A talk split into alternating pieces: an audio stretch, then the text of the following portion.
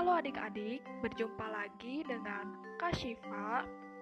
Pada kesempatan kali ini, kita akan belajar tentang berbagai pekerjaan.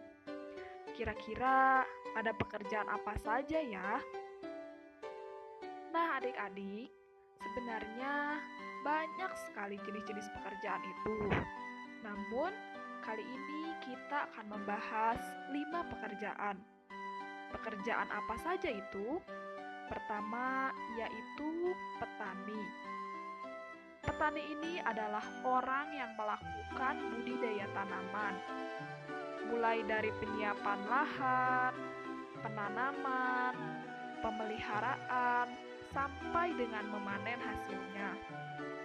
Mereka biasa melakukan semua hal tersebut di sawah. Nah, hasil panennya bisa digunakan untuk keperluan pribadi maupun mereka pasarkan. Petani merupakan pelaku utama dalam pembangunan pertanian di Indonesia. Adapun beberapa contoh dari tanaman yang biasa ditanam petani di antaranya ada padi, ubi, singkong, wortel, dan masih banyak lagi.